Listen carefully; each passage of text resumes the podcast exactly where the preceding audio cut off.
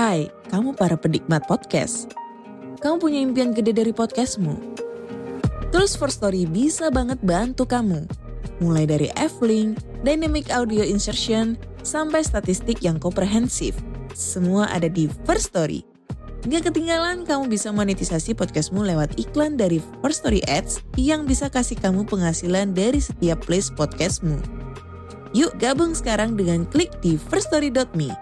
Sekali lagi, klik di firststory.me. Mari kita bawa mimpi podcastingmu menjadi kenyataan.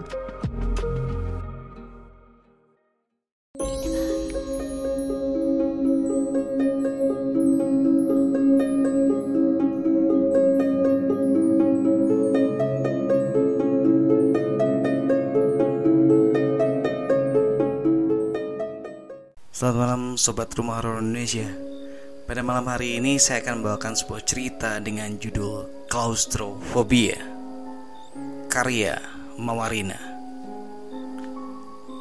Pukul 18 waktu Indonesia Barat Ruangan di gedung lantai 3 ini sudah sepi. Hanya ada aku dan bosku, Ibu Irma saja. Ini lebih dua jam dari jam pulangku. Siang hari tadi, aku terpaksa membatalkan janjiku dengan Mas Fatih, tunanganku, untuk bertemu karena meeting dadakan yang membosankan ini.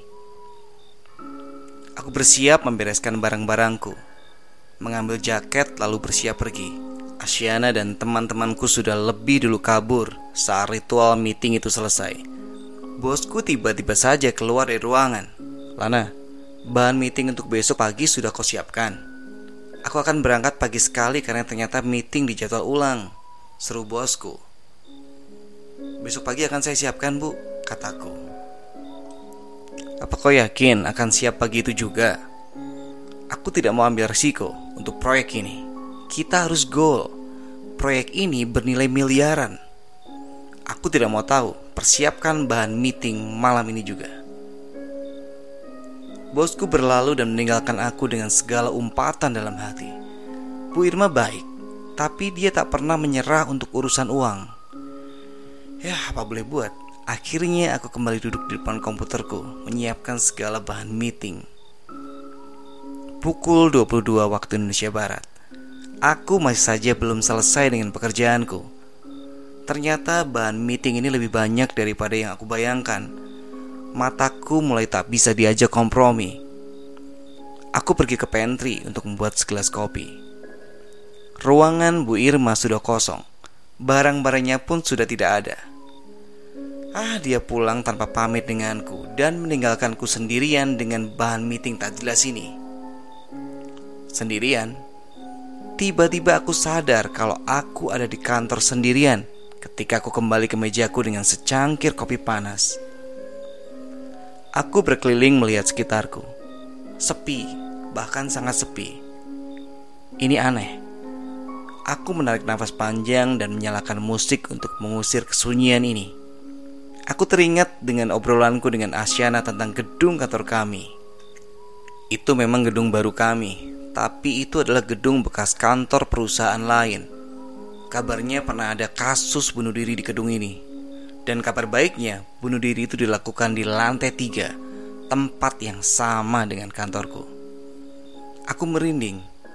Baru 10 menit aku mulai lupa dengan keadaan sekitarku. Terdengar suara seperti diseret. Konsentrasiku buyar. Ku coba tak hiraukan suara itu dan ku keraskan suara musikku. Suara itu tak terdengar lagi. Syukurlah pukul 23.30 waktu Indonesia Barat.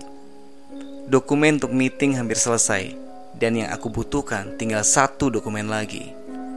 Agak kacau juga perasaanku karena harus mengambil dokumen di ruang dokumen. Ruang dokumen selantai dengan ruanganku. Hanya saja ruang itu terletak di ujung belakang dekat pantry. Siang hari saja aku enggan ke sana, apalagi di malam hari seperti ini. Aku bertekad menyelesaikan bahan meeting malam ini juga.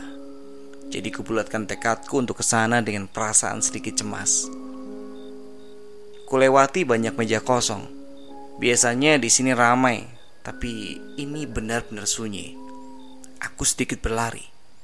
Akhirnya aku sampai di depan ruang dokumen. Aku agak ragu memutar knob yang sudah terlihat tua itu. Umurnya sama tuanya dengan gedung kantorku ini. Setelah aku putar knob itu, terbukalah ruang dokumen. Bau kertas dan dokumen usang menyerbak. Banyak rak dan dokumen berjajar di ruangan ukuran 5 kali 10 meter itu. Ruangan ini kecil tapi memanjang. Ya memang ruangan itu terlalu sempit dengan jumlah rak dan dokumen yang sangat banyak itu. Kuraba-raba dinding untuk mencari saklar lampu. Tapi percuma Lampunya mati. Kenapa harus mati sekarang? Keluhku dalam hati. Akhirnya aku bisa menyalakan lilin yang kuambil dari pantry Aku berjalan masuk di sela-sela rak Terlalu sempit karena jarak antar rak berdekatan Dokumen yang aku cari letaknya di rak paling ujung susah payah aku mencapainya. Selain karena ruangan yang sempit sehingga aku tak leluasa bergerak, juga karena udara yang terasa pengap. Ya ruangan ini tidak ber-AC, gelap, sempit, dan bau. Aku mengeluh lagi. Akhirnya aku sampai di rak paling ujung. Ku ambil salah satu dokumen dari jajaran dokumen yang tersusun rapi. Tapi sekilas aku melihat sekelebat bayangan di seberang rak. Aku tak percaya dengan penglihatanku. Cepat-cepat ku hapus pikiran yang tidak-tidak itu dan segera mencari dokumen itu. Tiba-tiba terdengar suara seperti diseret. Lagi pekiku dalam hati. Itu suara yang beberapa jam lalu aku dengar. Ini sungguh tak masuk akal. Suara itu makin lama makin mendekat. Suara seretan itu diiringi suara cekiki kecil Suaranya sangat dekat. Hampir-hampir kurasa suara itu ada di belakang telingaku. Tengkukku merinding merasakan hawa dingin di belakang leherku. Lilin yang aku bawa padam. Ini gelap dan aku semakin merasa pengap dan takut. Aku berdiri mematung. Aku menutup mata dan mendekap dokumen itu erat. Aku tidak bisa berpikir jernih. Kakiku serasa lemas keduanya. Aku tak bisa berteriak. Mulutku seakan terkunci. Kudengar suara buku jatuh. Bukan terjatuh, tapi seperti dijatuhkan satu persatu. Suara cekikik dan seret itu berubah menjadi gelak tawa yang dahsyat. Kubuka mata, tapi yang kulihat hanya gelap. Suara itu terus meraung-raung di telingaku. Aku sudah tak peduli dengan dokumen Kujatuhkan dokumen itu dan kututup telingaku dengan kedua tangan. Aku mencoba berlari ke arah pintu. Sial, ini ruangan hanya 10 meter, tapi kenapa jaraknya berubah seakan menjadi sangat jauh? Kurasa aku sudah cukup berlari sangat jauh, tetapi tak kunjung aku sampai ke pintu itu. Aku terjatuh. Entah, rasanya seperti tersandung. Kakiku terkilir. Aku menangis sejadi-jadinya. Aku tak bisa berlari lagi. Suara itu tak berhenti. Semakin lama semakin menjadi-jadi. Aku pasrah. Aku hanya menangis keras. Tak mungkin meminta pertolongan karena tidak ada orang di kantor. Aku semakin merasa pengap dan pusing dan kurasa tubuhku semakin ringan. Aku pingsan.